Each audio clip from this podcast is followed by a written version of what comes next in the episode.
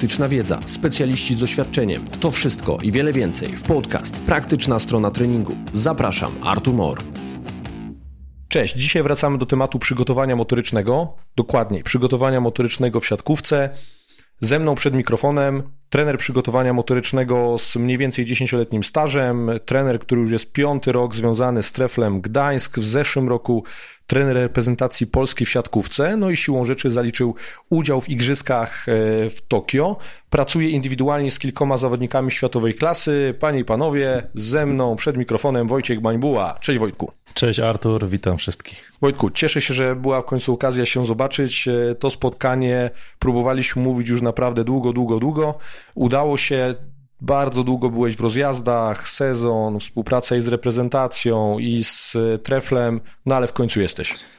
Tak jest, tak jak mówisz, e, ta praca sprawia, że bardzo ciężko nam było zgrać terminy takiego spotkania. Umawialiśmy się już kilka razy. Teraz na szczęście już po sezonie mam więcej wolnego czasu. Udało się spotkać i mam nadzieję na ciekawą rozmowę. Ja również. E, Wojtku, pierwsza rzecz, którą chciałbym Ciebie zapytać, to jaka jest różnica pracując z drużyną, jaką jest Trevor Gdańsk, a będąc trenerem przygotowania motorycznego reprezentacji Polski w siatkówce? Najważniejsze różnice. Mamy przede wszystkim wspaniałą ligę, gdzie pracuje wielu bardzo dobrych sportowców mhm. i nie można niczego zarzucić ich profesjonalizmowi. Natomiast jednak kadra to jest wyselekcjonowana grupa z tych wszystkich, którzy występują przede wszystkim w naszej lidze, ponieważ trzeba to powiedzieć, że trzon i siłę naszej ligi tworzą jednak polscy siatkarze. Więc ujmując to krócej, myślę, że w klubie mam zawodników bardzo, bardzo dobrych, natomiast top i elitę dostaje się do pracy w reprezentacji. Mhm. To jest taki pierwszy punkt. To, żeby zawodnik był topowy i naprawdę elitarny, świadczy o tym nie tylko jego forma sportowa, ale także jego podejście do zawodu, czyli profesjonalizm i zaangażowanie w to, co robi. Dodatkowo, jeżeli występujecie z orzełkiem na piersi, to ta motywacja i zaangażowanie w twój trening jest zdecydowanie większe. Sezon reprezentacyjny jest krótki, mhm. więc zaangażowanie jest wymagane przez 3-4 miesiące. W sezonie ligowym jest wymagane przez 8 miesięcy, mhm. łącznie z okresem przygotowawczym. Tyle mniej więcej trwa cały sezon. Kolejną różnicą jest, myślę, selekcja. W klubie, jeżeli zawodnik podpisuje kontrakt, to wie, że przez cały rok będzie reprezentował ten klub. Natomiast w reprezentacji jest często, są cztery miejsca na jednej pozycji, ośmiu, dziewięciu, dziesięciu zawodników na te cztery miejsca, więc od samego początku zawodnicy wiedzą, że każdy trening może decydować o tym, czy zostaną w tej reprezentacji, czy nie. Mhm. Więc odbywa się tam selekcja. I jak to zwykle bywa, słabsze jednostki odpadają, pomimo tego, że często są to zawodnicy, którzy mogliby w innych reprezentacjach grać pierwsze skrzypce. No i chyba jeszcze rzecz, która mm, jest bardzo ważna we współczesnym sporcie, czyli dofinansowanie. Siatkówka jest w Polsce niesamowicie popularną dyscypliną. Myślę, że jest sportem numer dwa. Widzimy to po pełnych salach, po zaangażowaniu sponsorów, więc dofinansowanie pracy na kadrze jest bardzo często dużo wyższe niż dofinansowanie pracy w klubie. Z perspektywy trenera przygotowania motorycznego, ty pracując z reprezentacją, no pracujesz jednak z ludźmi zawodnikami, którzy byli kształtowani, którzy najprawdopodobniej trenowali przynajmniej w trochę inny sposób, a czasami w drastycznie inny. Jeżeli chodzi o przygotowanie motoryczne, to nie znam w pełni realiów e, piłki siatkowej w Polsce, ale podejrzewam, że mogą być kluby, w których to jest robione na na lichych standardach, a są kluby, gdzie tu mamy ten jednak taki poziom światowy. I teraz, czy ty widzisz różnicę w przygotowaniu motorycznym tych zawodników z różnych klubów? Tak, jest różnica. Zdecydowanie. Na szczęście jest w Polsce kilku trenerów i ta grupa się coraz bardziej powiększa, którzy wymieniają ze sobą myśli treningowe i dzięki temu możemy pracować w podobnych standardach. Mhm. To, co się sprawdza, tym się dzielimy, dzielimy się tym, co się sprawdza gorzej, wobec czego jakby sami staramy się zoptymalizować swój warsztat pracy i jeżeli coś działa, to jak najbardziej wdrażać to w nasz system treningowy. Więc e, tak jak powiedziałeś, jest to bardzo zróżnicowany temat i zawodnicy przychodzący z różnych klubów, tak jak powiedziałeś, są różnie przygotowani. Jeszcze słowo komentarz tego, co powiedziałeś, się wymieniacie doświadczeniem, wiedzą i tym, jak pracujecie. Super inicjatywa. Pomimo, że tak naprawdę w pewien sposób konkurujecie ze sobą, też o swoje no, stanowiska, o swoje posady jako trenerzy przygotowania motorycznego, no to potraficie współpracować i dzielić się tą wiedzą. Fajna inicjatywa. Widziałem kiedyś w mediach społecznościowych nawet takie zdjęcie, gdzie takie meetingi, takie spotkania sobie organizujecie i mówię, super, fajna inicjatywa. Dalej to się odbywa? Oficjalnie nic nie zakończyliśmy, natomiast w zeszłym roku nie, nie było takiego spotkania. Ja w nim nie mogłem brać udziału, mhm. nawet gdyby było ze względu na pracę na kadrze. Mhm. Inicjatywa powstała, myślę, głównie dlatego, że bardzo długo w poprzednich latach trenerami przygotowania fizycznego w Polsce byli nie Polacy, mhm. którzy przychodzili tutaj mając łatkę eksperta, a tak naprawdę wykonywali bardzo podstawową pracę, moim osobistym zdaniem, nie angażując się w to w takim stopniu, w jakim powinni, na takim poziomie. Okay. Więc te spotkania, powiedzmy, były głównie polskich trenerów, mhm. którzy poprzez wymianę doświadczeń sami podnosili swoje kwalifikacje zawodowe i miało to służyć temu, żeby przede wszystkim chronić rodzimy rynek mhm. pracy, tak, tak to nazwijmy. Super, mam nadzieję, że uda się reaktyw- znaczy reaktywować, że uda się w tym roku takie spotkanie Wam odbyć. Kolejne pytanie, Wojtku. Czy jako trener reprezentacji Polski jesteś w stanie na takich zgrupowaniach jeszcze coś podciągnąć pod kątem motoryki tych zawodników, czy raczej bliżej temu wszystkiemu do zarządzania, ażeby ci zawodnicy mieli podtrzymywany swój performance i może nie łapali tylu kontuzji, czy jeszcze jesteś w stanie tych, którzy są nieco gorzej przygotowani, podciągnąć? To jest indywidualna sprawa w każdym przypadku. Przychodzą często, w zeszłym roku, będę mówił na tym przykładzie mojej jednorocznej pracy w kadrze. Zawodnicy, którzy dopiero co skończyli rozgrywki, jak zawodnicy z Aksy Kędzierzyn-Koźle, którzy przyjechali kilka dni po wygraniu finału Ligi Mistrzów, byli w bardzo dobrej formie, bo przed chwilą jeszcze grali. A co za tym idzie, ich sezon ligowy trwał tak długo, że ilość pracy, jaką wykonali w tym czasie i zmęczenia, które się nawarstwiło, no jednak skłaniała troszeczkę bardziej do tego, żeby dawać, żeby dawać im odpocząć, wiedząc, że imprezą docelową w poprzednim sezonie były Igrzyska Olimpijskie w Tokio. Przyszli zawodnicy, którzy skończyli ligę 6 tygodni wcześniej i w tym czasie więcej odpoczywali niż trenowali. Takich zawodników z kolei chcemy znowu przygotować do treningu i podciągnąć.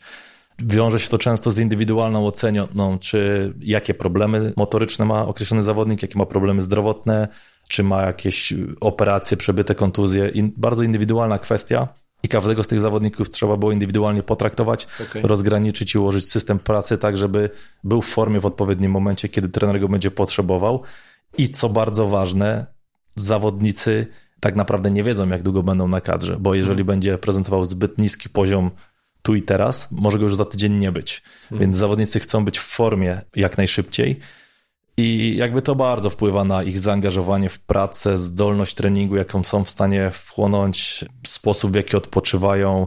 Naprawdę poziom zaangażowania zawodników w naszej prezentacji jest niesamowity i życzę pracy z taką grupą każdemu trenerowi mhm. przygotowania fizycznego. Okej, okay, czyli wyłania się tutaj taki akcent na indywidualizację tego procesu treningowego, jak tu mówiłeś, tak? Czyli pracując z kadrą, jest ta indywidualizacja. Zdecydowanie tak. Uważam, mhm. że we współczesnej siatkówce musi mieć miejsce indywidualizacja. Nie można wszystkich wrzucać do jednego worka, ale jednocześnie trzeba pamiętać, że zindywidualizować pracę możemy tylko na pewnej płaszczyźnie, mhm. bo trzon treningu siatkarskiego polega na treningu sześciu zawodników na sześciu zawodników. Tam nie powiemy w żaden sposób, ty atakuj mniej, ty przyjmuj mniej, mhm. to jest nie do wykonania. Tam możemy tylko monitorować, kontrolować ilość tych obciążeń treningowych i jeżeli tych obciążeń uważamy jest dużo, zmniejszać ilość pracy, jaką wykonujemy my na swoich jednostkach, a jeżeli jest za mało, dokładać, tak żeby stale iść do przodu i osiągać jak najlepsze efekty takiego mhm. treningu. Jak pracujesz z Treflem Gdańsk, to masz na tyle ukształtowaną drużynę, że jest większa komponenta tej pracy ordynowanej, podobnej pracy ordynowanej wszystkim, czy cały czas nacisk na indywidualizację? Czy już masz taki poziom zawodników, tak dobrze ich wszystkich wyregulowałeś, podociągałeś te niuanse, że masz drużynę, która może trenować podobnie? W siatkówce bardzo często jest tak, że po jednym sezonie zmienia się nawet 70-80% całego zespołu, A. więc nigdy nie wiesz, e, kogo będziesz miał w przyszłym sezonie, jeżeli nie ma podpisanego obecnie kontraktu. Ja miałem to szczęście, że przez ostatnie 4 lata było mało zmian w treflu i dzięki temu mogłem kontynuować pracę z niektórymi zawodnikami przez 3, nawet 4 lata. Ponadto ci zawodnicy, którzy przychodzili do Trefla jako nowi zawodnicy, mieli już jakąś przeszłość związaną ze mną. Gdzieś w jakimś klubie trenowaliśmy sezon lub dwa, wobec czego znałem ich, znałem ich potrzebę, znałem ich reakcję na określone treningi i do czego dążę? Uważam, że im dłużej trener przygotowania fizycznego pracuje z jednym zawodnikiem, tym korzystnie dla obydwu stron, mhm. ponieważ komunikacja jest łatwiejsza, znajomość siebie nawzajem jest dużo lepsza. Mhm. Wiem, jak reaguje zawodnik na określony trening, wiem, co to jest dla niego za dużo, co to jest za mało, gdzie ma deficyty i nad czym powinien się skupić. No i jeżeli zawod, taki zawodnik widzi efekty swojej pracy, to jednocześnie jego zaufanie do mnie jest dużo większe i dużo łatwiej i chętniej wdrażamy wszystkie nowe pomysły, mhm. które niewątpliwie pojawiają się z czasem. Skoro mówisz o takiej pracy z drużyną, no to moje takie pierwsze pytanie. Na ile występuje sezonowość w kontekście przygotowania motorycznego w siatkówce, a na ile jest to praca całoroczna, na ile w tym off-seasonie, łącznie z jakąś przerwą wakacyjną, kiedy się nie widzisz z tymi zawodnikami, oni po pierwsze dostają jakieś zadania do zrobienia i na ile chętnie to robią. Czyli jak wygląda ten off-season, na ile te rzeczy, które potencjalnie możesz mniej kontrolować, zwłaszcza mówię tu o tych wakacyjnych przerwach, na ile to jest y, istotne w siatkówce i na ile ty masz na to wpływ i jakie są twoje obserwacje? Chciałbym wspomnieć o takich dwóch modelach. Jeden, który jest taki, powiedzmy, troszeczkę starej daty, który panował w siatkówce. Mówił on o tym, on o tym że po skończonym sezonie zawodnik ma 2-3 miesiące przerwy, kiedy powinien sobie odpocząć przede wszystkim, mm. nie robić nic, tak. tłumacząc to na nasz, nasz język, na tym polegał odpoczynek. I dopiero później wrócić na 6-8 tygodniowy, najczęściej 8 tygodniowy sezon przygotowawczy i w trakcie tego sezonu przygotowawczego zastosować periodyzację, która była bardzo popularna w tamtym sezonie, polegająca na tym, że przez dwa tygodnie pracujemy nad wytrzymałością siłową, bazą tlenową, przez dwa tygodnie nad hipertrofią, przez dwa tygodnie nad siłą maksymalną, a tuż przed startem na, nad mocą mięśniową.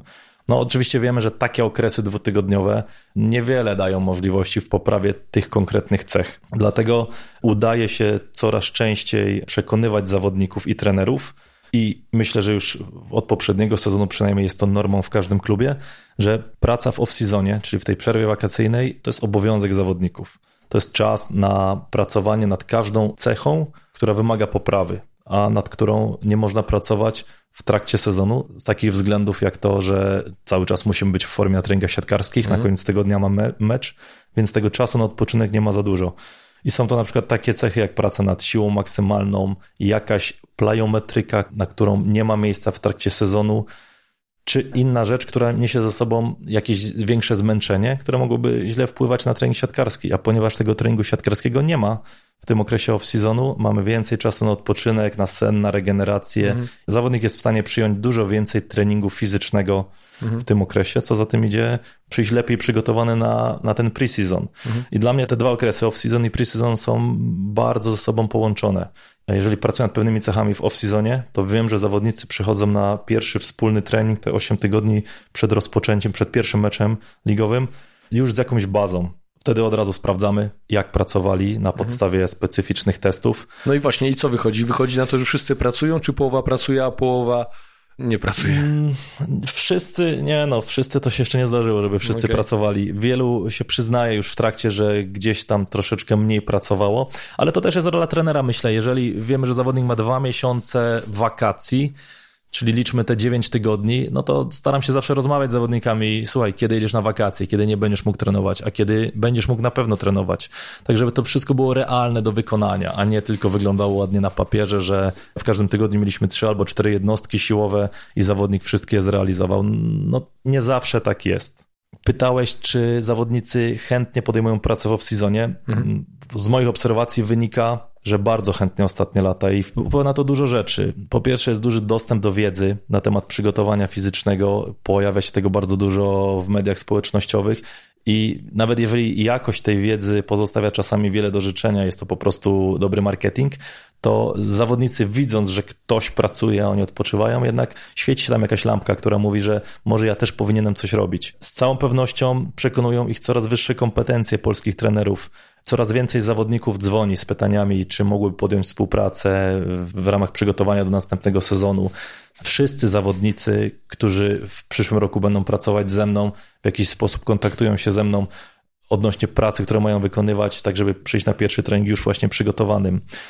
Myślę, że bardzo wpływa na młodych, szczególnie na młodych zawodników, takie podążanie za ikonami polskiej siatkówki, jak mhm. chociażby Bartek Kurek, od niedawna Wilfredo Leon, Michał Kubiak, którzy przez wiele lat potrafili utrzymać się na wysokim poziomie i jednocześnie są wzorami pracy, co jakby niesie za sobą jasny komunikat, że jeżeli chcesz odnieść sukces, nie jednorazowo, tylko powtarzać go kilka razy, to musisz pracować w każdym momencie, kiedy tylko możesz i musisz to robić z głową, więc potrzebujesz do tego pomocy specjalisty. A co za tym idzie, to jest prosta kalkulacja. Jeżeli mamy dwóch zawodników podobnego poziomu, jeden będzie pracował i będzie lepiej przygotowany do sezonu, to zagra prawdopodobnie lepszy sezon. W przyszłym sezonie podpisze lepszy kontrakt, więc będzie miał z tego wszystkiego więcej pieniędzy. To jest taki trening skupiony na performance. No i trening skupiony przede wszystkim na prewencji urazów.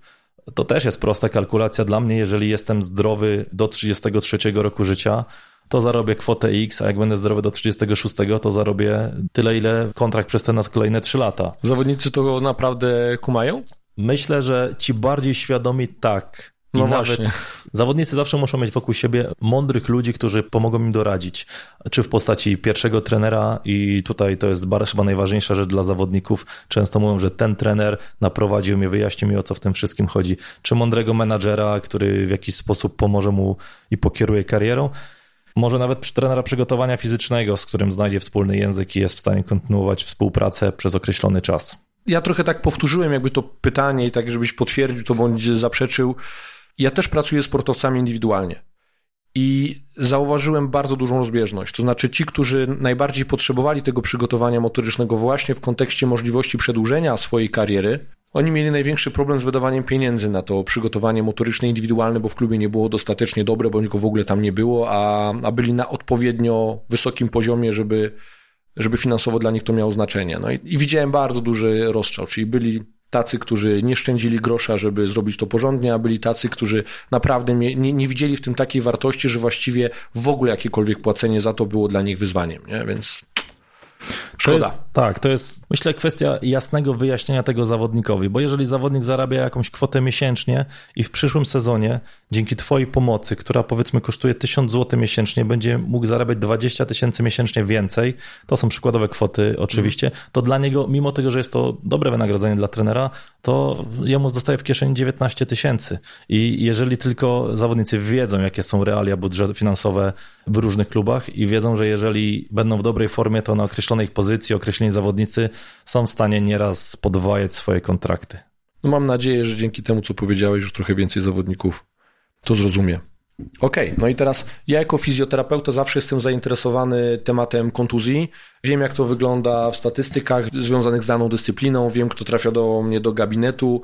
Myślę, że jeżeli mówią siatkówce, no to każdy zdaje sobie sprawę, co tam e, może potencjalnie się przeciążyć, jakie kontuzje czyhają na zawodników. No ale jak to wygląda w Twojej praktyce zawodowej? Czyli jakie są Twoje indywidualne obserwacje, co Ty widzisz i z perspektywy trenera kadry, i z perspektywy wieloletniego trenera tej samej drużyny? I na ile, o może tak od razu rozwinę, na ile widzisz, że interwencje, które wprowadzasz z przygotowania motorycznego, zmniejszyły ilość incydentów, no ilość różnych kontuzji u Ciebie w drużynie? Wypunktowałem sobie tutaj właściwie cztery rzeczy, cztery takie najbardziej podatne na kontuzje obszary ciała. Będzie to kolano, barki, odcinek lędźwiowy pleców i stawy skokowe, ale najczęściej jednak e, ścięgno Achillesa. I myślę, że w tej kolejności kolano, bardzo popularny u nas jednak e, ciągle w siatkówce kolano skoczka. Mhm. Siatkówka jest sportem opartym na skakaniu. Nie da się tych skoków uniknąć, chyba że jesteś libero. Na każdym treningu będziesz musiał oddawać 100-120 skoków, ponieważ tego wymaga trening taktyczny. Więc twoje ciało musi być odpowiednio przygotowane do tego, żeby znieść takie obciążenia. Jeżeli taki uraz się będzie u ciebie pojawiał, no musisz w jakiś sposób interweniować. To świadczy o tym, że jesteś źle przygotowany i tu moglibyśmy się wracać do całego okresu przygotowawczego, mhm. kiedy trzeba wykonać trzon tej pracy, aby przygotować się odpowiednio do sezonu. To jest kontuzja, którą tak naprawdę ciężko jest leczyć w trakcie sezonu, ponieważ ciężko przeprowadzić trening siatkarski bez skakania. Takiego wycofania zawodnika ze skakania na tydzień jest zawsze kłopotliwe dla całego zespołu, bo często mamy komplet na pozycjach. Nie mamy, tak jak w piłce nożnej, paru zawodników ponad stan, którzy mogliby zastąpić zawodnika na tej pozycji, więc już nasz główny trening jest niekompletny, więc i każdy pierwszy trener niechętnie zgadza się na wycofanie takiego zawodnika na ten okres. Więc bardzo ważne i uważam skuteczne jest tutaj działanie w taki sposób, aby zawodnika móc zatrzymać w treningu i jednocześnie w jakiś sposób wspomagać jego rehabilitację. A co wiąże się z dobrą diagnozą przyczyny tego problemu, bo na kolano skoczka wiele rzeczy może mieć wpływ. Mhm. Najczęściej z mojego doświadczenia wynika, że są to jednak niewydolne mięśnie pośladkowe i czasami już tutaj wystarczy interweniować, włączając w plan treningowy takiego zawodnika odpowiedni protokół ćwiczeń i już po paru jednostkach dolegliwości bólowe takiego zawodnika znacznie się zmniejszają, a później znikają. Podobnie jest z barkami. Akurat mhm. tutaj wiele problemów, jeżeli chodzi o skakanie, wiąże się z jakimś deficytem gdzieś tutaj w obrębie bioder. Mhm. Jeżeli zawodnik bardzo często skarży się na bóle w odcinku lędźwiowym, no to tak samo naj, najczęściej, oczywiście są, to jest, są indywidualne przypadki, ale najczęściej szukamy problemu gdzieś w okolicy pośladka, gdzieś w okolicy źle pracującego brzucha, tak to nazwijmy ogólnie i tak to trzeba uważam tłumaczyć zawodnikom. To są te dwa problemy, które mhm. najczęściej dotykają siatkarzy. Barki również. Tutaj problemy ze stożkiem rotatorów. To był bardzo popularny problem przez ostatnie lata, natomiast y, mam wrażenie, że ostatnie sezony udaje, przynajmniej w zespole, w którym ja pracuję, zupełnie zniwelować ten problem. I ten problem przesta, przestał istnieć.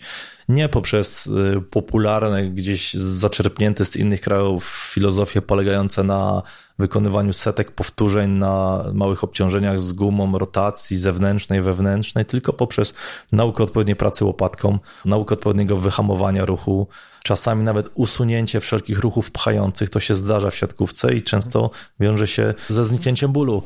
U mnie w zespole dwóch atakujących, czyli zawodnicy, którzy uderzają w piłkę najczęściej, prawie w ogóle nie wykonuje żadnych ruchów pchających w pozycji, w pozycji wertykalnej. Mamy po jednym ćwiczeniu wypychania pionowego i, i to jest wszystko. I każdy z nich ma uderzenie i każdy z nich potrafi przetrwać cały sezon bez bólu barku.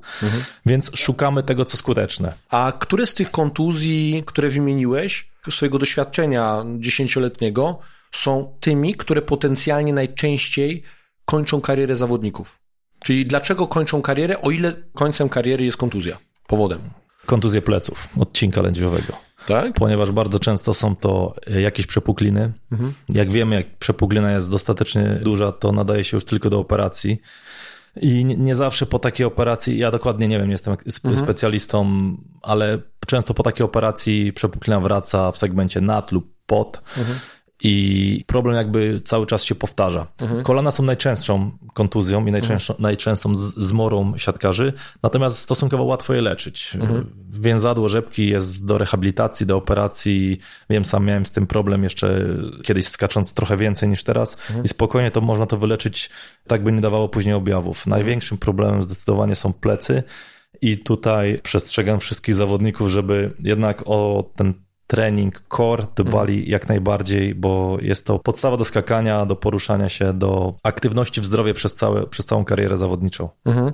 Powiedz mi, jak e, zarządzanie tymi kontuzjami wygląda u ciebie w drużynie i na poziomie kadry? To znaczy, na ile widzisz współpracę sztabu trenerskiego, szkoleniowego z medycznym? Dobra jest ta współpraca, czy są tam jakieś przepychanki, przerzucanie się, chcemy, nie chcemy? I w moim klubie, i w reprezentacji mam przyjemność i miałem przyjemność pracować ze znakomymi, znakomitymi specjalistami w dziedzinie fizjoterapii. I tutaj to też kiedyś u ciebie usłyszałem. Do pewnego momentu swojej przygody trenerskiej myślałem w ten sposób, że rolą fizjoterapeuty jest doprowadzenie do punktu zero, gdzie zawodnik jest zdrowy, a później przejmuje go trener przygotowania fizycznego. Teraz rozumiem dużo lepiej, że te światy się przenikają i wy musicie jako fizjoterapeuci wyjść troszeczkę poza ten punkt zero, a my musimy się troszeczkę wcześniej cofnąć. Dlatego wspólne układanie obciążeń treningowych i planowanie powrotu zawodnika po kontuzji lub przygotowanie jakiegoś programu prewencyjnego w trakcie tej kontuzji jest wspólną pracą fizjoterapeutów mhm. i trenerów przygotowania fizycznego. Bardzo cenię sobie taką współpracę zarówno w klubie, jak i w kadrze i tutaj zawsze potrafiliśmy znaleźć wspólny język. Równie dobrze jest tak naprawdę z pierwszymi trenerami, ponieważ ich świadomość odnośnie przygotowania fizycznego i ograniczeń, jakie posiadają zawodnicy wobec coraz większej liczby spotkań, coraz większej liczby meczów, treningów, są w pełni świadomi tego, że zawodnicy mają swoje limity i w pewnym momencie potrzebują troszeczkę odpocząć, potrzebują zejść z obciążeń i zaczynają coraz bardziej doceniać rolę monitoringu obciążeń w sporcie, czyli chociażby liczenia skoków podczas treningu, co jeszcze parę lat temu wiem, że nie było normą. Planowanie na zasadzie w tym tygodniu skoczymy w sumie 400 razy, a w następnym możemy już skoczyć 600. Uważam, że powoli będzie stawało się normą. Powiedziałeś o liczeniu skoków. Oczywistym jest, że nie liczysz tego na manualnie na kartce, odhaczając sobie, kto zrobił ile skoków. No i moje pytanie, must have, czyli to, co potrzebujesz mieć e, w pracy trenera przygotowania motorycznego w siatkówce, czyli na jakim sprzęcie pracujesz, co ktoś, kto wchodzi w ten świat, albo co drużyny, może na niższym poziomie, niżeli tak, w której pracujesz, powinny się zaopatrzyć? Co może pomóc? System, który pomaga określić ilość skoków na treningu, z którego korzystam, to tak zwany system WERT. Amerykański produkt, który właściwie zdominował ten rynek w siatkówce. Być może są inne systemy, na pewno są, natomiast nie powiem w tej chwili, jak się nazywają i też nie pracowałem na nich. Nie jest to tania rzecz oczywiście, więc nie, nie, jestem pewien, że większość klubów drugoligowych, pierwszoligowych raczej nie może sobie pozwolić na pełne ukompletowanie. Natomiast wcale nie trzeba tego robić. Czasami wystarczy znając specyfikę sposobu, w, jakim, w jaki trenujemy, wyposażyć zawodników na pozycjach w jeden taki nadajnik, co pozwala określić mniej więcej objętość tego treningu. No właśnie, czekaj, bo teraz od razu mi się pytanie nasunęło, nie chcę, żeby uciekło. Jakie potrafią być różnice w ilości skoków pomiędzy zawodnikami na jednej sesji? Takie skrajne, nie? Czyli tak, po prostu tak. mówisz o pewnym uśrednieniu w tej chwili, a teraz uśredniamy z czego? Jakie są te skrajne wartości? Ja monitoruję wszystkich zawodników, którzy skaczą. Najwięcej skoków na pewno dają rozgrywające, ale jednak są to skoki najniższe.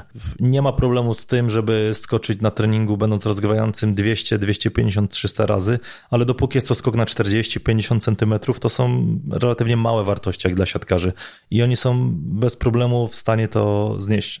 Dzieje się tak dlatego, że taki zawodnik skacze do zagrywki, do bloku i do każdej wystawy, mhm. więc każda akcja przechodzi przez jego palce. A drugą grupą są środkowi bloku, których zadanie jest przede wszystkim, jak sama nazwa mówi, poruszać się w bloku i brać czynny udział w każdym możliwym bloku. Mimo tego, że z sześciu rotacji, jakie są na boisku, oni są właściwie 3,5, trzy rotacje pod siatką plus zagrywka, do obrony już najczęściej schodzą, to i tak podczas tak krótkiego pobytu na boisku mają największą liczbę skoków. Tych rozgrywających ja właściwie nie liczę do całej puli, bo to hmm. jest zupełnie inny skok. Więc przy środkowych bloku tak duża ilość skoków w tak krótkim czasie świadczy o tym, że częstotliwość, zagęszczenie tych skoków w jednostce czasu jest bardzo duże. Często są to też zawodnicy, którzy skaczą naprawdę wysoko. Kolejna grupa to już są razem i przyjmujący, i atakujący. Rozbieżności, jakie mogą być, jeżeli trening, na którym skaczemy dużo, taką ciężką jednostkę, określimy trening, gdzie przyjmujący skacze 110-120 razy, to spokojnie dla środkowego można przyjąć wartość 140-150 skoków, dla rozgrywających wtedy 200-250. Mhm. To są wartości takiego ciężkiego treningu. Okej. Okay. No i teraz już e, wiem coś więcej. Wojtku, co jeszcze używasz w swojej pracy i co jest takie, co ktoś powinien kupić, a co jest opcją? Myślę, że najważniejsze jest przede wszystkim dobrze i odpowiednio wyposażona siłownia. Tu to jest... Ja się uśmiecham, bo dzisiaj z Tomkiem Gęborysem rozmawialiśmy właśnie na ten temat. Mamy czasy, w których drużyny czasami kupują kupę klamorów, sprzętu, który ma mierzyć wszystko, a de facto nie ma co mierzyć, no bo ci zawodnicy mają niedostatecznie rozwinięty performance, bo nie mają gdzie ćwiczyć. Dokładnie tak. I tutaj nawet nie trzeba się ślić na jakiś bardzo drogi sprzęt. Najważniejsze to są wolne ciężary, sztangi odpowiednie już obciążenia, miejsce, gdzie zawodnik jest w stanie spokojnie zrzucić tą sztangę z siebie bez obawiania się, że uszkodzi parkiet lub posadzkę, na jakiej ćwiczymy. E, gdybym miał wymienić parę takich rzeczy wyposażając siłownię, to chciałbym mieć w niej trzy stoiska do przysiadów, dwa miejsca, żeby spokojnie rzucić sztangę po zarzutach, martwych ciągach, nawet jedną ławeczkę, może dwie regulowane ławeczki, parę handli, wyciąg i to wszystko właściwie, co potrzebowałem na tej siłowni. Plus jakiś drobny sprzęt, bardzo tani, typu minibandy, mhm. E, jakieś większe gumy, parę piłek lekarskich i to jest właściwie wszystko. To jest taka podstawa. I myślę, że bardzo często koszt wyposażenia takiej siłowni jest taki sam jak dwóch dobrych urządzeń treningowych, jakiś suwnic lub innego urządzenia do wyciskania na barki, nazwijmy to, prawda? No, słuchaj, no który to... kosztuje krocie, waży 400 kg. Ktoś kiedyś powiedział, że jest to potrzebne, więc jest na wyposażeniu większości klubów w tej chwili. Więc to jest taka podstawa. Mhm. Czego ja jeszcze używam? Od pewnego czasu, od paru lat jestem fanem Velocity Based Training mhm. i system, który parę lat temu jeszcze pamiętam raczkował VMAX Pro, popularny już w Polsce i myślę na całym świecie. Korzystam z tego systemu, jestem z niego bardzo zadowolony, jest prostym narzędziem, stosunkowo tanim uważam i pomaga naprawdę, jest, tak, jest troszeczkę game changerem, jeżeli chodzi o podejście zawodników do pracy. Mhm. I już wyjaśniam dlaczego. Jeżeli wszyscy trenerzy są w stanie ułożyć plan, w którym zapiszą 5 serii przysiadów po 5 powtórzeń z jakimś tam obciążeniem. To obciążenie oczywiście dostosowujemy na podstawie jakichś tam swoich subiektywnych testów lub opinii lub bądź wie czego. Siatkówka jest sportem, gdzie potrzebujemy dużo dynamicznej pracy, dynamicznej w takim kolokwialnym ujęciu, czyli chcemy pracować nad takimi cechami jak rate of force development, siła eksplozywna, Innymi słowy, pchać to z maksymalną intencją, jak najszybciej, jak najmocniej wstawać, jak najszybciej wyrzucać. Mierzenie każdego powtórzenia powoduje brak rozbieżności między tym, co komunikuje trener, a co rozumie zawodnik. Prosta sprawa. Jeżeli ja mówię do zawodnika, pchaj jak najmocniej, on mówi, ale pchamy jak najmocniej, no to się zgadzamy, niby się rozumiemy. Ale jeżeli podepnę mu czujnik, ja powiem, pchaj z prędkością 1 metr na sekundę, a on nie jest w stanie tego zrealizować i ma swój wynik określony cyfrą, no to już tutaj nie ma dyskusji. Albo robisz tak, jak ja chcę, albo, jak, albo nie tak, jak ja chcę. Jeżeli widzę jego maksymalne zaangażowanie w ćwiczenie, a wartości i tak nie są takie, jak sugerowane przeze mnie, wiem, że powinienem zmniejszyć obciążenie. I odwrotnie, kiedy wartości są dużo wyższe niż te, które proponuję, potrzebuję go dociążyć. I to sprawia, że znika ta rozbieżność między komunikatem a odbiorem tego komunikatu. I druga sprawa, o tym bardzo szybko w siatkówce. Siatkówka to jest gra, w której zawodnicy bardzo lubią rywalizować ze sobą, a pracując w parze lub w trójce na jednym ćwiczeniu, zawodnicy zawsze, mając podpięty jakikolwiek czujnik i mając wynik, będą rywalizować, kto to zrobi lepiej, kto popcha mocniej, kto wykręci tam lepszą cyfrę, lepszy wynik. I to samo buduje zaangażowanie w trening. Mały koszt, olbrzymie efekty. No, zawsze, kiedy jestem pytany o programowanie, o tworzenie jednostek treningowych, o wiele takich niuansów typowo związanych z programowaniem treningu, e, ja zawsze odpowiadam za programuj trening tak, żeby chcieli go zrobić na maksa. Żeby ten adherence, to zaangażowanie w ten proces było na jak najwyższym poziomie, znać takie rozwiązania. To może być albo technologia, albo twój charakter, albo twoja kreatywność czasami w wymyśleniu jakiegoś zadania, które w jakiś sposób będzie można współzawodniczyć ja dzisiaj na szkoleniu powiedziałem o takim przykładzie, kiedy wykonuję broad jumpy, ktoś ma wykonać pięć broad jumpów, skoków w dal, jak najdalej, z jak największą intencją, skaczy za pierwszym razem, stawiam jakiś pachołek, jakiś znacznik, skocz dalej, przeskocz to i potem znowu jeszcze przeskocz. I oni potrafią, oni potrafią się z serii na serię poprawiać i sami z sobą konkurować, nawet jak nie mają kogoś. Zawsze to można nawet zobaczyć na różnego rodzaju wystąpieniach Jana Jeffreya, kiedy gdzieś prowadzi wykłady na temat kształtowania szybkości, no to to on też to podkreśla, że stawia jednego zawodnika z przodu, drugiego z tyłu, ten ma lotny start, ten jak go od razu mija, to ma wystartować i mają się ścigać. Jeden ma przewagę, ale ten nie chce odpuścić, ten, który tej przewagi nie ma, no i okazuje się, że dwóch pracuje na maksa, nie? Ten, który ma lotny start, nie daj Boże, by przegrał z tym, który startował z miejsca, no to dla niego jest potwarz, więc też się będzie starał na maksa, nie? Więc jest to niezmiernie ważne, żeby mieli jak się ze sobą ścigać, jak konkurować zawodnicy. Dokładnie tak. Używam podobnej metody chociażby w treningu balistycznym z piłkami lekarskimi. Kiedy zawodnik dostaje piłkę, ma rzucić jak najdalej. Oznaczamy miejsce pachołkiem, no i później każdy kolejny rzut ma być z intencją jak najdalej. A jeżeli robimy to oczywiście w parach, rywalizacja, kto rzuci dalej, w siatkówce potrzeba dużej pracy jednak na kierunku pionowym, więc ciężko ustawić pachołek gdzieś na suficie, ale sale są wyposażone w różnego rodzaju rampy, przerzucanie nad taką rampą może być celem. Wystarczy znaleźć odpowiedni sposób i dzięki temu zmotywować zawodników. Jeszcze jedną rzecz chciałem na ten temat dodać, bo myślę sobie w tym momencie, że właśnie to, co różnicuje skuteczne plany treningowe od tych mniej skutecznych, to jednak nie tylko ilość serii, ilość powtórzeń i obciążenia, tylko właśnie to, o czym wielu trenerów zapomina. Intencja, z jaką pracuje zawodnik, intencja, z jaką powinien pracować, jaka jest zalecona przez nas. Czy to ma być, intencja ma być określona w postaci tempa, spowolnieniu jednej fazy ekscentrycznej, wydłużeniu fazy izometrycznej lub zmierzeniu jak mocna, jak szybka jest faza koncentryczna. Mhm. I do tego oko trenera nie zawsze wystarczy. Tak. Czasami przydają się liczby. W ogóle z tej rozmowy z tobą wyłania mi się taki fajny obraz polskiej siatkówki, że wszystko jest naprawdę całkiem okej. Okay. To ja zadam takie dwa pytania, może odpowiedzieć w dowolnej kolejności. Pierwsze jest takie, czy pomimo tego, że ja odczuwam, że naprawdę jesteś zadowolony z tego, jak to wygląda, coś byś zmienił? To jest pierwsze pytanie. I od razu drugie pytanie, mm, myślę, że bardzo ważne. Jak według Ciebie wygląda stan polskiej siatkówki, z której domniemam, że jesteś zadowolony względem standardów światowych u Twoich kolegów z przygotowania motorycznego, którzy pracują za granicą?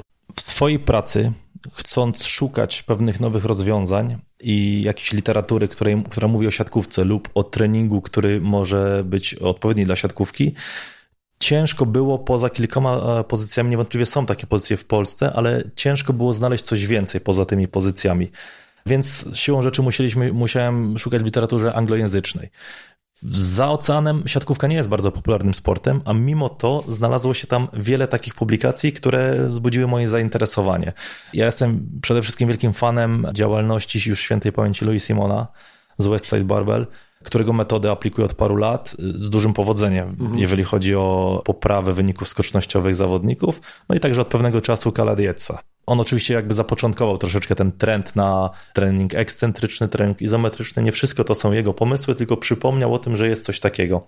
Więc ciężko porównywać się, do czego dążę, ciężko porównywać się do siatkówki w innych krajach, ponieważ właściwie poza ligą włoską i ligą rosyjską nie ma miejsc, w których ta świadkówka byłaby na podobnym poziomie jak w Polsce. Mhm. Ponieważ nie jestem ani włoskojęzyczny, ani rosyjskojęzyczny, musiałem szukać gdzieś w literaturze anglojęzycznej. Natomiast jestem przekonany, że gdyby było coś wartościowego w tych językach, byłoby to przełożone na angielski, tak jak jest zrobione z wieloma trenerami i ludźmi zajmującymi się przygotowaniem fizycznym z Rosji. Prawda? Większość ich pracy jest przełożona na język e, angielski. Stąd szukać wszystkiego, mieć otwartą głowę, szukać wszystkiego, co może się przydać w Twojej dyscyplinie, krytycznie do tego podchodzić i myślę, że ostrożnie, ostrożnie eksperymentować z nowymi rzeczami. To jest taka sprawa. Przypomnij mi proszę pierwsze pytanie, co bym zmienił w Wiesz co, jeszcze jakby, tak, co bym zmienił w polskiej, ale jeszcze odnosząc się do tej zagranicznej, czyli co, czyli wypadamy całkiem nieźle, jeżeli chodzi o to przygotowanie motoryczne względem świata. No ja uważam, że wyniki polskich siatkarzy, będę tutaj mówił o męskiej siatkówce, mhm. ponieważ w damskiej nie pracuję, w ostatnich latach są odpowiedzią na to pytanie. Polski zespół wygrywa Ligę Mistrzów, jutro jest kolejny mecz finałowy z, z udziałem tego samego zespołu, Zaksy, Kędzierzyn-Koźle. Kolejny raz występują w, w najlepszej, w najwyższej klasie rozry, rozgrywkowej na świecie. Polacy są podwójnymi mistrzami świata. Skąd się to bierze? Mhm. Jasne, mhm. że możemy powiedzieć, że bierze się to z pracy trenerów na kadrze, jest to niewątpliwie prawda, ale pamiętajmy, że zawodnicy przez lwią część roku pracują jednak w klubach, najczęściej w polskich klubach, gdzie mają do czynienia z polskimi sztabami i to również dzięki ich pracy są w stanie osiągnąć poziom sportowy, który doprowadził mhm. ich do takich wyników. Więc tutaj myślę, że możemy być zadowoleni, możemy być z siebie dumni, wszyscy trenerzy, ale jednocześnie pokornie nie popadajemy w samo uwielbienie i mhm. Szukajmy dalej, rozwijajmy się dalej. Dobra, Wojtku, jeszcze przypomniało mi się, że nie do końca uzyskałem odpowiedź na jedno z wcześniejszych pytań, które mogę zadać teraz, bo właściwie będzie rozwinięciem tego wątku. Wiemy, że z jednej strony przygotowanie motoryczne ma poprawiać tą wydajność sportową, ten performance, ale jednocześnie siłą rzeczy zmniejsza ryzyko kontuzji, urazowości w danej dyscyplinie. No i teraz ta druga część jest pytaniem, na które nie uzyskałem odpowiedzi. Na ile ty widzisz, że to lepiej prowadzone przygotowanie motoryczne u ciebie w klubie, czy w skali całego kraju, czy na kadrze, ma efekt w postaci mniejszej urazowości w siatkówce. To się dzieje, czy raczej ten performance na tyle rośnie, że te przeciążenia też są większe? Niewątpliwie są coraz większe przeciążenia. Wiąże się to z tym, że mamy coraz więcej spotkań w krótszych odstępach czasu. Chociażby to, że w przyszłym sezonie liga będzie liczyła dwa zespoły więcej, wiąże się z tym, że mamy cztery mecze więcej. Czyli grając co tydzień potrzebowalibyśmy czterech tygodni na to. Tak nie będzie, bo musimy gdzieś te mecze po środku upchnąć, więc rosną wymagania ze strony dyscypliny, a co za tym idzie, bardziej liczy się i z tego powodu się bardzo cieszę, bardziej liczy się mądre zarządzanie treningiem i zmęczeniem zawodników. Odpowiednia praca skupiona właśnie na maksimum efektów przy minimum pracy będzie tutaj procentowała, bo teraz myślę, że w takiej formule rozgrywania ligi, jaka czeka nas chociażby w przyszłym sezonie, wszelka niepotrzebna praca będzie od razu dawała szybko negatywne efekty. Mhm. Więc zespół, który pracuje za dużo lub pracuje w nieodpowiedni sposób, będzie pewnie miał sporo kontuzji. To są takie moje wieszczenia, wynikające z jakichś tam przemyśleń i doświadczenia. I uważam, że mądra praca, zarządzanie, współpraca na linii pierwszy trener, trener przygotowania fizycznego, fizjoterapeuta, konsultowanie tego, ile możemy trenować, w jakim okresie czasu, jak ciężko, kiedy powinniśmy odpoczywać, czyli wspólne planowanie całości tego procesu treningowego daje zespołowi olbrzymią przewagę. I tak jak rozmawiam czasami z trenerami pracującymi razem ze mną w treflu, myślę, że bardzo dobrym wyznacznikiem jest to, że niewątpliwie bogaty zespół będzie miał lepsze wyniki niż zespół biedniejszy, o mniejszym budżecie, bo można sobie kupić jakość pieniędzmi, dobrymi zawodnikami ale myślę, że gdyby przez ostatnie parę sezonów zrobić tabelę, w której uszergowalibyśmy od najwyższego budżetu do najniższego budżetu wszystkie zespoły w lidze i jednocześnie zestawić to z tabelą, w której zobaczylibyśmy wynik sportowy, to w Gdańsku wypadlibyśmy zdecydowanie lepiej pod względem wyniku sportowego niż pod względem budżetu. To znaczy, że niższą ceną jesteśmy w stanie osiągnąć lepszy wynik. Myślę, że to jest bardzo ciekawa i, mhm. i miarodajna miara tego, jak pracują sztaby szkoleniowe. No, to jest ciekawe spostrzeżenie i ja kiwam głową, że mnie to przekonuje, nie? To tak, jest i, faktycznie jakaś miara. I cieszę się, że akurat w klubie, w którym pracuję, taki system jest zrozumiały i ma on miejsce przez ostatnie parę sezonów. To znaczy, że bardzo stawiamy na to, żeby mieć dobry sztab szkoleniowy i mimo tego, że nie zawsze mamy na tyle pieniędzy, żeby, żeby ściągnąć gwiazdy światowej siatkówki, to jesteśmy w stanie tak wywindować performance zawodników, których mamy, że są w stanie rywalizować z tymi na wysokim poziomie a wszystko odbywa się mniejszym kosztem. No to jest dowód rzemiosła dobrego, co? Bo wiemy, że w sporcie wyczynowym, zawodowym, w tym top of the top, ja obserwuję taką zależność, to z rozmów w, kul, w kuluarach e, wynika bardzo często i od razu jest obnażone, gdzie najlepsi zawodnicy nie są najlepsi dzięki temu, jak trenują, ale pomimo tego, jak trenują. To są te talenty, to są urodzeni mistrzowie. Mistrzem się rodzisz, a nie stajesz. Tam, tam obowiązuje ta zasada. I i poprzykleja się do niego trener główny, trener przygotowania motorycznego, mhm. jeszcze ktoś fizjoterapeuta i nagle gość ma super performance, mało kontuzji, trafił na najlepszych specjalistów. Nie? I oni trochę rzadko kiedy, myślę, znaczy nawet sobie nie przypominam, żeby którykolwiek specjalista powiedział, że tutaj jednak robiliśmy to, co wszyscy, po prostu ten gość jest lepszy aniżeli inni, nie? Zgadzam się z tym, że może być dobry nie dlatego, jak pracujesz, ale pomimo tego, jak pracujesz. Natomiast uważam, że też trzeba być ostrożnym z takim stwierdzeniem, żeby nie przemawiała przez nas zazdrość, że zespół, który odnosi sukcesy, jest dobry pomimo tego, jak pracuje. Tego nie wiemy. To jest nasza subiektywna ocena. No wiesz co, oczywiście się z tym zgadzam. Natomiast to była odpowiedź trochę na to, co mówiłeś, czyli jeżeli masz zawodników, którzy są średni, całą drużynę, albo nie najdroższych zawodników, no jakby cena tego zawodnika odzwierciedla jego ten performance w sporcie, przynajmniej w pewnym stopniu, a tu nagle się okazuje, że ten performance rośnie, kontuzji jest mniej, no to jest dowód dobrego rzemiosła. Nie? Tak, i taki a, zawodnik po no, spędzonym chodzi, sezonie już może być topowym zawodnikiem. Po prostu jakby to nie jest, że oskarżamy osoby, które mają tych mistrzów jako takich wychowanków, że oni na pewno nie są dobrzy, nie? bo ta zasada zawsze obowiązuje, nie? Tak. Natomiast na pewno godnym pochwały i możliwym do dostrzeżenia jest ten scenariusz, o którym ty mówisz. Czyli masz średniaków i nagle z średniaków regularnie podnios, podnosiłeś ich formę, doprowadziłeś na wysoki poziom i oni ten poziom trzymają.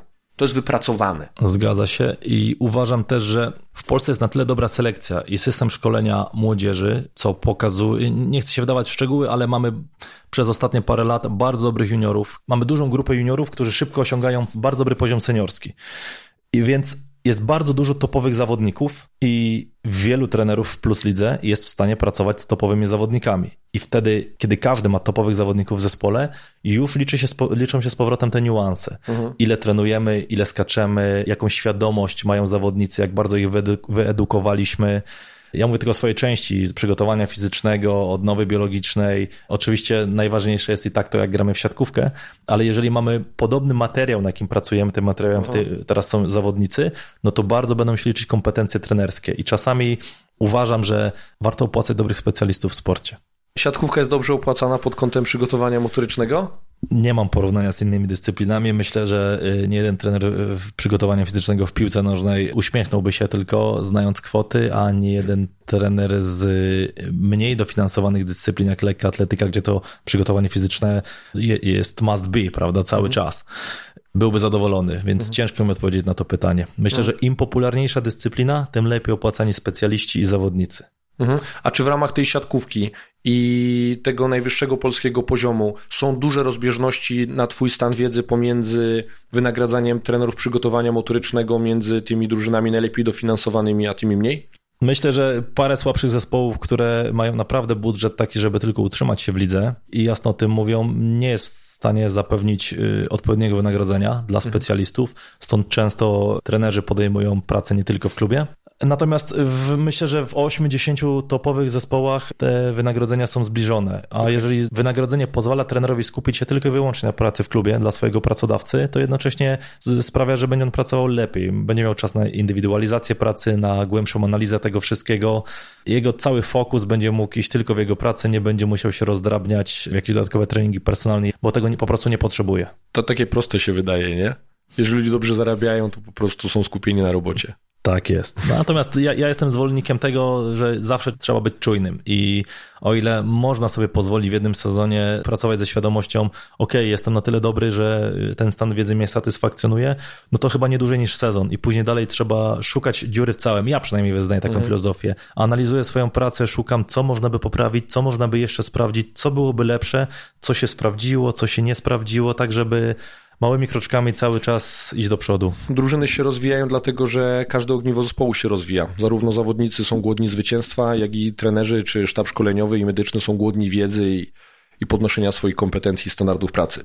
Okej, okay, no dobra, no widzisz, no generalnie zrobiło się tak tęczowo, no bo ja odnoszę wrażenie rozmawiając z tobą, że ta siatkówka to jest kraina mlekiem, miodem płynąca, jest naprawdę super, zawodnicy coraz chętniej pracują, trenerzy przynajmniej, o których ty mówisz, główni są skorzy do współpracy, trafiłeś na świetnych specjalistów, no mówię, wow, no nic tylko pracować w siatkówce, bo można się spełnić jako trener przygotowania motorycznego, no ale może trochę sprawmy, żeby ta kolorowa tęcza była e, nie taka kolorowa i że ten jednorożec po niej skaczący, że, żeby może złamał trochę nóżkę. Co byś mógł zarzucić polskiej siatkówce, czyli łyżka dziegciu w beczce miodu? Pierwszą taką rzeczą jest praca u podstaw z tymi najmłodszymi. I pomimo tego, że powiedziałem wcześniej, że dużo młodych siatkarzy jest teraz bardzo dobrymi, e, siatkarzy, którzy parę lat temu było jeszcze w wieku juniora, jest teraz bardzo dobrymi seniorami, Niewątpliwie tak jest, natomiast kolejne roczniki, które przychodzą i zawodnicy, na których ja trafiam, mają bardzo duże braki fizyczne. Znamy oczywiście współczesny tryb życia, wiemy, że dzieciaki już nie tyle czasu spędzają na podwórku, grając w piłę i, i wspinając się, jak to było za naszych czasów. Na to nie mamy wpływu niestety, ale na co mamy wpływ, to na edukację trenerów, którzy pracują z tymi najmłodszymi. Tak, żeby jakby wpajali potrzebę ruchu i wpajali tym młodym przyszłym zawodnikom, że pewien określony sposób życia determinuje ich wyniki w przyszłości. A co za tym idzie, tacy trenerzy muszą być odpowiednio wyszkoleni. Dlatego myślę, że od strony strukturalnej, gdzieś na poziomie związku, bardziej kompetentni ludzie powinni być angażowani w edukację takich trenerów.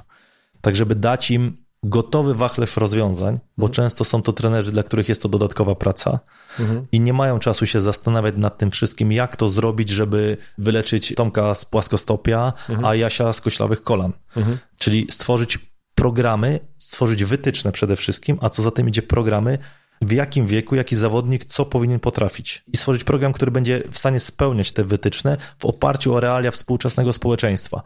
Oczywiście stworzenie takiego programu to jest wielka sprawa i wymaga zaangażowania paru ekspertów, którzy zrobią coś takiego, ale myślę, że to zostanie na lata i no. zaowocuje wielkimi sukcesami w przyszłości. Widziałem kiedyś coś takiego gdzieś na stronie właśnie chyba Push Bandu, coś takiego było pokazane w Stanach co zawodnik potrafi w wieku 9, 11, 13, 15, 17 lat mhm. z zakresu treningu siłowego, z, ze świadomości przeprowadzenia roz, rozgrzewki samemu, z odżywiania, zna wartość dobrego odżywiania. W każdej z tych kategorii wiekowych było wyszczególnione, co zawodnik musi umieć. To, co rocznik poniżej, plus co jeszcze. Takie jasne wytyczne potrafią później w prosty i przejrzysty sposób rozliczać trenerów, czy wykonali to, co jest do wykonania. Tak, żeby wtedy zawodnik, który ma 18-19 lat i już przechodzi na tą karierę seniorską powoli, żeby mieć pewność, że on jest wyedukowany z tego, z tego, z tego i z tego tematu i nie musimy się zajmować tym, że on przychodzi do mnie grać w ekstraklasie z płaskostopiem, które wpływa na to, że zaraz będzie miał problemy z kolanami, z plecami i sami wiemy, jak wiele problemów może to implikować. Mhm. Więc przede wszystkim dofinansowanie i odpowiednie szkolenie trenerów pracujących z najmłodszymi. Mhm. To jest najważniejsza rzecz. Wiesz, to też nie jest technologia NASA, to znaczy biorąc pod uwagę chociażby te rekomendacje, o których ty powiedziałeś. Nie, nie wiem, jakie było źródło, ale wiem, że one w ramach wielu organizacji przygotowania motorycznego międzynarodowego, one istnieją w jakiejś tam formie. Takie pewne wskazówki są, wystarczy to po prostu skopiować mhm. i udostępnić, popularyzować, przekazać tym trenerom, którzy pracują e, z młodzieżą, więc zgodzę się, że jest to wyzwanie systemowe, natomiast myślę, że nie jest to takie trudne do stworzenia. Nie? Czyli znowu, bardziej tutaj chyba chodzi o chęci i tak. o to, tak. żeby ktoś się zabrał, aniżeli e, za faktycznie dostęp do jakichś magicznych mm, wytycznych. Zdecydowanie tak. Co jest jeszcze potrzebne? No. Uważam, że te najlepsze kluby, żeby cały czas być w czubie światowym, albo nawet zostawić za sobą inne ligi, mhm. powinny bardzo postawić na dokumentację pracy. Okay. Bo w momencie, kiedy mamy sami ocenić swoją pracę, mamy jednak tendencję do tego, żeby być bardziej wyrozumiałym w stosunku do siebie i ta ocena jest bardzo subiektywna i z tym można dyskutować. Rozmowa na temat na przykład trenera z trenerem przygotowania fizycznego, jeden mówi, uważam, że byliśmy źle przygotowani fizycznie, a ja uważam, że byliśmy dobrze. No i mamy rozbieżność zdań. Natomiast jeżeli obejrzymy po sezonie, cały sezon, gdzie mamy dane z jednostek treningowych, z meczów, no to są pewne jednak wskaźniki, które mówią o tym, czy byliśmy dobrze przygotowani fizycznie, czy nie. Tak. I to jest merytoryczna rozmowa na pewien temat. Jeżeli widzimy, że zawodnik jest w stanie skakać, osiągnął pewien pułap, na jakim jest w stanie skakać i utrzymuje to przez cały sezon, no to chyba robota trenera przygotowania fizycznego jest spełniona. Natomiast jeżeli widzimy w początkowej fazie sezonu dobre wyniki, a później schodkowo wszystko schodzi w dół, możemy mieć coś do zarzucenia i trzeba szukać przyczyny takiego problemu. Przyczyna może być w źle prowadzonym treningu przygotowania fizycznego lub w za dużej objętości treningu na hali. Cały czas o tym trzeba rozmawiać i myślę, że nie obawiać się zadawania trudnych, niewygodnych pytań, oczywiście w zaufanej grupie, bo wszyscy popełniamy błędy, nie zawsze czytamy sobie w myślach i ta komunikacja zawsze ma służyć poprawie tego wyniku, a nie tylko wytykaniu sobie błędów. Cały sztab szkoleniowy gra do tej samej bramki tak mówiąc o piłce nożnej. No właśnie, tak teraz przypomniało mi się, że kiedy zaczynałem ten podcast, właściwie każdy gościu mi dostawał pytanie, jaka według ciebie jest najmniej sprawna grupa sportowców i dlaczego to są piłkarze nożni. Pytanie się całkiem przyjęło i faktycznie e, to było takim pytaniem z tezą, które budziło uśmiech, ale często prowadziło do jakiejś fajnej dyskusji. Ja natomiast dzisiaj to trochę zmodyfikuję. Zmodyfikuję to tak, że zadam ci pytanie, czy według ciebie siatkarze są jedną z najlepiej przygotowanych motorycznie, w ogóle sprawnych graczy, znaczy może tak, y, sportowców dyscypliny sportowej jakiejś, nie? Czy po prostu siatkarze to są sprawni goście? To zależy, co mamy na myśli. Jeżeli mamy na myśli umiejętności ruchowe, siatkówka jest bardzo technicznym sportem. Mamy odbicie piłki, krótki kontakt. Nie możemy jej złapać, przytrzymać, rzucić, podać tam, gdzie chcemy, tylko wszystko odbywa się w ułamkach sekund. To sprawia, moim zdaniem, że bardzo szybko uczą się nowych umiejętności ruchowych z innych dyscyplin i jednocześnie lubią to robić. Każdy lubi grać w piłkę nożną, to jest sport najbardziej popularny na świecie i w siatków, siatkówka nie jest wyjątkiem. Każdy siatkarz albo większość z nich chętnie po prostu pokopie w gałę na rozgrzewkę, kiedy Boże, tylko już nie będę oglądał siatkówki, dlaczego mi to zrobiłeś, no? No. Takie są niestety realia. Z moich doświadczeń wynika, że ci zawodnicy są dobrzy technicznie w piłkę nożną, są dobrzy technicznie w koszykówkę, w piłkę ręczną rzadko się gra, ale każda czynność ruchowa nowa jest dla nich łatwa. I wiąże się to albo z tym, że taka jest specyfika dyscypliny, albo po prostu mamy dobrych zawodników. Uważam, że zawodnicy na topowym poziomie w każdej z dyscyplin sportowych są w stanie osiągnąć niezły poziom w innych dyscyplinach. No, przykładem jest chociażby, rozmawiałem ostatnio z Bartkiem Bednożem, który akurat był na wakacjach i mówi do mnie, że nie zrobiłem treningu na siłowni, bo zacząłem grać w siatkówkę plażową e, z lewym. Ja pytam, z kim? Ja mówię, no z Robertem. Zgraliśmy sobie w siatkówkę plażową i mówi, Wojtek, jak on skacze? Gość, który jest chyba mojego wzrostu, 180 parę centymetrów na piasku, czyli w niespecyficznym dla siebie środowisku. środowisku, w niespecyficznym dla siebie sporcie, jest w stanie osiągać jakieś wyniki fizyczne, motoryczne, które zaimponowały gościowi, który zajmuje się tym zawodowo. To zawsze mi daje do myślenia, że myślę, że gdyby wielu koszykarzy nauczyć trochę bardziej sprintu albo trójskoku, to byliby całkiem niezłymi reprezentantami swojego kraju. Ci stopu. Każdy topowy zawodnik musi prezentować taki poziom zdolności motorycznych, który gwarantuje jakiś przynajmniej przyzwoity wynik w innej dyscyplinie. To jest taka śmiała teza, ale mhm. zauważam, że jednak tak jest. Być może dlatego siatkarze dobrze sprawdzają się w, w innych dyscyplinach i chętnie, chętnie mhm. je, podejmują. Jak czujesz, że coś ci idzie, że te nowe kompetencje ruchowe przychodzą ci łatwo, no to chcesz to uprawiać. Nie? Jak czujesz, że się potykasz o własne nogi, to zostajesz w swoim środowisku, w którym czujesz się dobrze. No? Tak, natomiast zdecydowanie słabo by się sprawdzili we wszystkich sportach, w których trzeba naprawdę długo biegać na długim dystansie, ponieważ jest to totalnie niespecyficzne dla nich. No albo gimnastyce, gdzie, albo gdzie są długie tak. ramiona dźwigni, no i to im na pewno nie sprzyja. Tak, i zupełnie mm. inne napięcia, więcej tak. izometrii. No to jest już takie bardzo siły. specyficzne, nie? Bardziej tak, mówimy o takich tak, przekrojowych tak. sportach, gdzie ty jednak zdolności motoryczne są takie zbalansowane bardziej. Zgadza nie? się. Z wysuniętym jakimś jedną czy dwoma tam na, naprzód.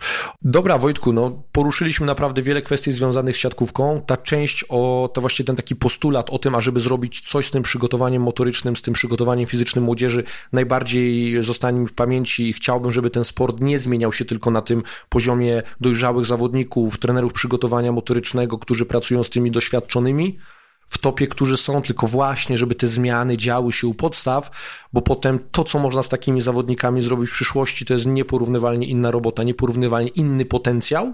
No w Stanach jest tak, tak, że ciężko się trenuje na etapie koledżu, a, a potem dopiero e, tylko podtrzymuje się tą formę i właściwie przedłuża się tą karierę, bo ten performance już się osiągnęło, ten pik tego performance'u taki życiowy, on już został osiągnięty na etapie koledżu. Tak i pamiętajmy, że taki wszechstronny rozwój, rozwój, bo o takim rozmawiamy, dzieci i młodzieży, jest potrzebny nie tylko w siatkówce, ale we wszystkich innych sportach, wobec czego może powstać jeden system, który pokaże, jak rozwijać dzieci do 15 roku życia, strzelam teraz tymi liczbami, i dopiero później decydować, kto pójdzie do siatkówki, bo jest wysoki i skoczny, kto lepiej biega i kto pójdzie do piłki nożnej, bo na przykład nie urósł taki wysoki, kto będzie pływał. Myślę, że to jest coś, co poprawiłoby wyniki w sporcie seniorskim w każdej dyscyplinie i naprawdę by się przydało w Polsce. Ujednolicenie takiego systemu i współpraca przynajmniej między kilkoma topowymi związkami na tej płaszczyźnie. Takie rozwiązanie systemowe w skali całego kraju, no i w skali całego sportu w danym kraju. Tak, przełoży się nie tylko na wyniki sportowe, ale i na zdrowie tych dzieciaków i